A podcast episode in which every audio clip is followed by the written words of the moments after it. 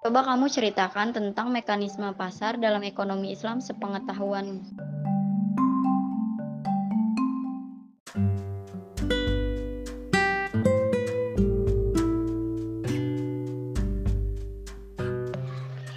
Nah, mekanisme pasar itu kan mencakup struktur pasar, pelaku, terus mekanisme intervensi dan juga keseimbangan pasar. Nah, dalam pertanyaannya itu dalam ekonomi Islam ya. Nah, ekonomi Islam memandang bahwa pasar, negara, dan juga individu berada dalam keseimbangan atau dinamakan dengan iktisyot. Pasar dijamin kebebasannya dalam Islam. Pasar bebas menentukan cara-cara produksi dan juga cara-cara harga, cara-cara penentuan harganya, dan nggak boleh ada gangguan yang mengakibatkan rusaknya keseimbangan pasar. Tapi e, pasar yang berjalan sendiri secara adil atau fair kenyataannya sulit ditemuin di Indonesia. Mekanisme pasar dalam Islam meliputi aspek teologi sampai sosiologis itu perlu kita e, pahamin yang di mana ada beberapa yang pertama itu pembentukan harga sangat dipengaruhi oleh penawaran dan permintaan pasar. Dan yang kedua, transaksi yang terjadi antara pedagang dan pembeli adalah transaksi dilandasi oleh faktor suka sama suka, rela sama rela. Dan yang ketiga, di suatu pasar yang adil tidak boleh ada intervensi pasar dari pihak mana pun. Lalu Pedagang boleh mengambil keuntungan karena keuntungan itu imbalan atas usaha dan juga risiko dengan syarat laba tidak boleh berlebihan. Lalu yang terakhir, permintaan Islam yang mencakup permintaan hanya untuk barang-barang halal dan toyib. Lalu tidak ada permintaan barang untuk tujuan kemegahan, kemewahan, dan juga kemubaziran. Dan permintaan untuk basic needs atau kebutuhan masyarakat miskin meningkat karena kewajiban zakat, anjuran infak dan juga sedekah dan kewajiban penyediaan kebutuhan dasar oleh negara. Nah, hal ini penting untuk kita pahami, teman-teman. Lalu, pasar adalah suatu tempat di mana keberlangsungan transaksi jual beli dilakukan. Di dalamnya terdapat pembeli atau konsumen dan juga penjual atau produsen sebagai salah satu pelengkap dalam suatu transaksi. Pasar sendiri dibagi menjadi dua, yaitu pasar persaingan sempurna dan pasar persaingan tidak sempurna. Pasar persaingan sempurna adalah pasar yang menjual barang e, yang bersifat homogen atau sejenis dan jumlah penjual dan pembelinya sangat banyak. Sedangkan pasar persaingan tidak sempurna itu yang di mana dinamakan pasar terdapat satu atau beberapa penjual yang menguasai pasar atau menguasai harga serta satu dari beberapa pembeli yang menguasai pasar atau harga. Nah, pasar persaingan tidak sempurna ini dibagi menjadi tiga, yaitu pasar monopoli, pasar oligopoli, dan pasar monopolistik dengan uh, perbedaan dalam eh, masing-masing. Uh, Ekonomi Islam memandang bahwa pasar, negara, dan juga individu berada dalam keseimbangan dan tidak boleh ada subordinat sehingga salah satunya menjadi dominan dari yang lain.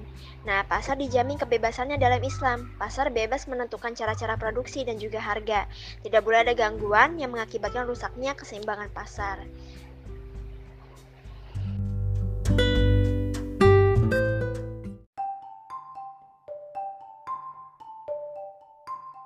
Dalam mekanisme pasar pastinya ada keseimbangan atau equilibrium. Nah, gambarannya seperti apa tuh kalau dalam segi pandang ekonomi Islam?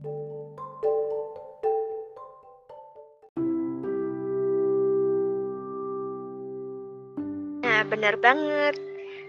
Equilibrium ini atau keseimbangan pasar menggambarkan suatu situasi di mana semua kekuatan yang ada dalam pasar permintaan dan juga penawaran pasar berada dalam keadaan yang seimbang, sehingga setiap variabel yang terbentuk di pasar, harga dan juga kuantitasnya sudah tidak lagi berubah.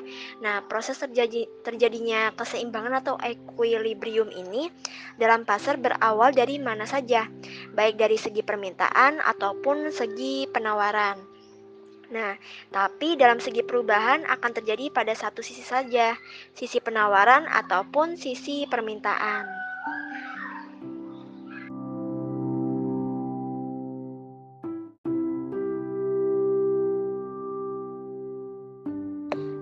Pasar yang selama ini berkembang khususnya di Indonesia hanya tertuju pada upaya pemaksimalan untuk mencari keuntungan sebesar-besarnya dan cenderung terfokus pada kepentingan sepihak. Nah, sistem tersebut nampaknya kurang tepat dengan sistem ekonomi syariah yang menekankan konsep manfaat yang lebih luas pada kegiatan ekonomi termasuk di dalamnya mekanisme pasar dan juga pada setiap kegiatan ekonomi itu mengacu kepada konsep maslahat dan menjunjung tinggi asas-asas keadilan. Selain itu pula menekankan bahwa pelakunya selalu menjunjung tinggi etika dan juga norma hukum dalam kegiatan ekonominya. Realisasi dari konsep syariah itu memiliki tiga ciri yang mendasar yaitu prinsip keadilan, eh, terus menghindari kegiatan yang dilarang dan juga memperhatikan aspek kemanfaatan. Ketiga prinsip tersebut berorientasi pada terciptanya sistem ekonomi yang seimbang, yaitu keseimbangan antara memaksimalkan keuntungan dan juga pemenuhan prinsip syariah yang menjadi hal mendasar dalam kegiatan pasar. Nah, dalam hal mekanisme pasar, dalam konsep Islam akan tercermin prinsip syariah dalam bentuk nilai-nilai yang secara umum dapat dibagi dalam dua perspektif, yaitu perspektif makro dan juga perspektif mikro. Nilai syariah dalam perspektif mikro menekankan aspek kompetensi atau e, profesionalisme dan juga sikap amanah. Sedangkan e, nilai syariah dalam per perspektif makro nilai-nilainya menekankan aspek distribusi, pelarangan riba dan juga kegiatan ekonomi yang tidak memberikan manfaat secara nyata kepada sistem perekonomian. Nah, oleh karena itu, dapat dilihat secara jelas manfaat dari sistem perekonomian Islam dalam pasar eh, yang ditujukan tidak hanya kepada warga masyarakat Islam saja, tapi juga eh, kepada seluruh umat manusia di bumi.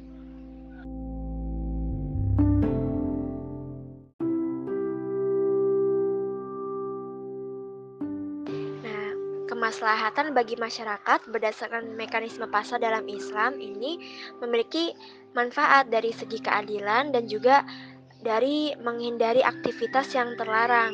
Dari segi keadilan yang pertama itu transparansi dan juga kejujuran dan larangan barang, produk jasa serta proses yang merugikan dan berbahaya itu manfaatnya produktif dan juga tidak spekulatif. Dan segi keadilan yang kedua, transaksi yang fair atau adil ini dari larangan tidak menggunakan sumber daya manusia atau barang ilegal dan secara tidak adil Manfaatnya dapat menghindari barang atau penggunaan sumber daya manusia yang tidak efisien dan persaingan yang sehat dan juga saling menguntungkan dan dengan manfaatnya akses seluas-luasnya bagi masyarakat untuk memperoleh barang, produk atau sumber daya manusia. Nah, seperti itu manfaat.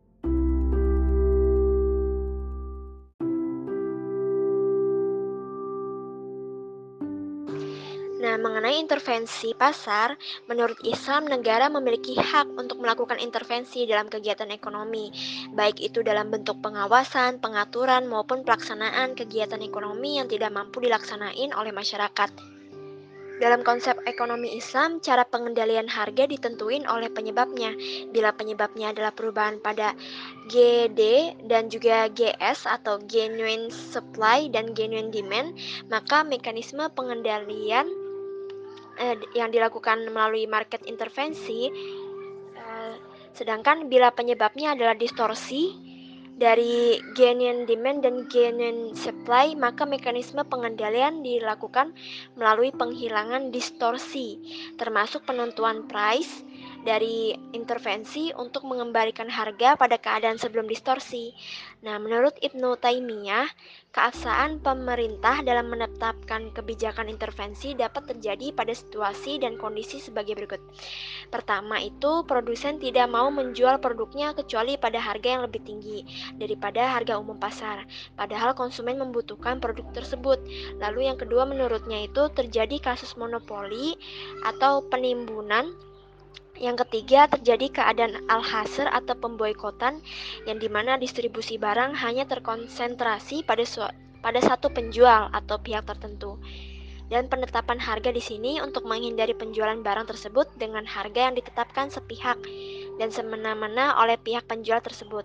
Lalu terjadi koalisi dan juga kolusi antar penjual di mana sejumlah pedagang sepakat untuk melakukan transaksi di antara mereka dengan harga di atas ataupun di bawah harga normal. Lalu terakhir produsen menawarkan produknya pada harga yang terlalu tinggi menurut konsumen, sedangkan konsumen meminta pada harga yang terlalu rendah menurut produsen. Nah, tujuan dari intervensi pasar yang dilakukan oleh pemerintah menurut Ibnu Qudamah Al-Maqdisi adalah intervensi harga menyangkut kepentingan masyarakat untuk mencegah ihtikar dan gaban fahishi atau artinya mengambil keuntungan di atas keuntungan normal dan juga menjual di atas harga pasar dan untuk melindungi kepentingan masyarakat yang lebih luas.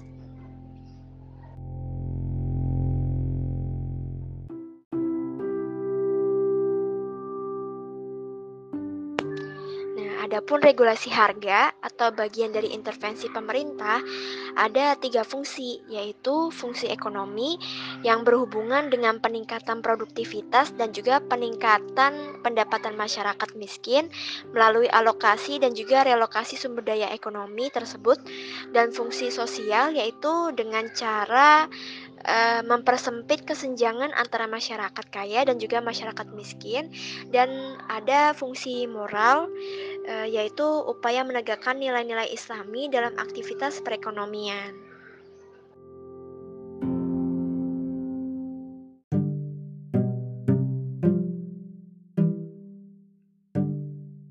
Oh, begitu. Oke, paham-paham. Terima kasih.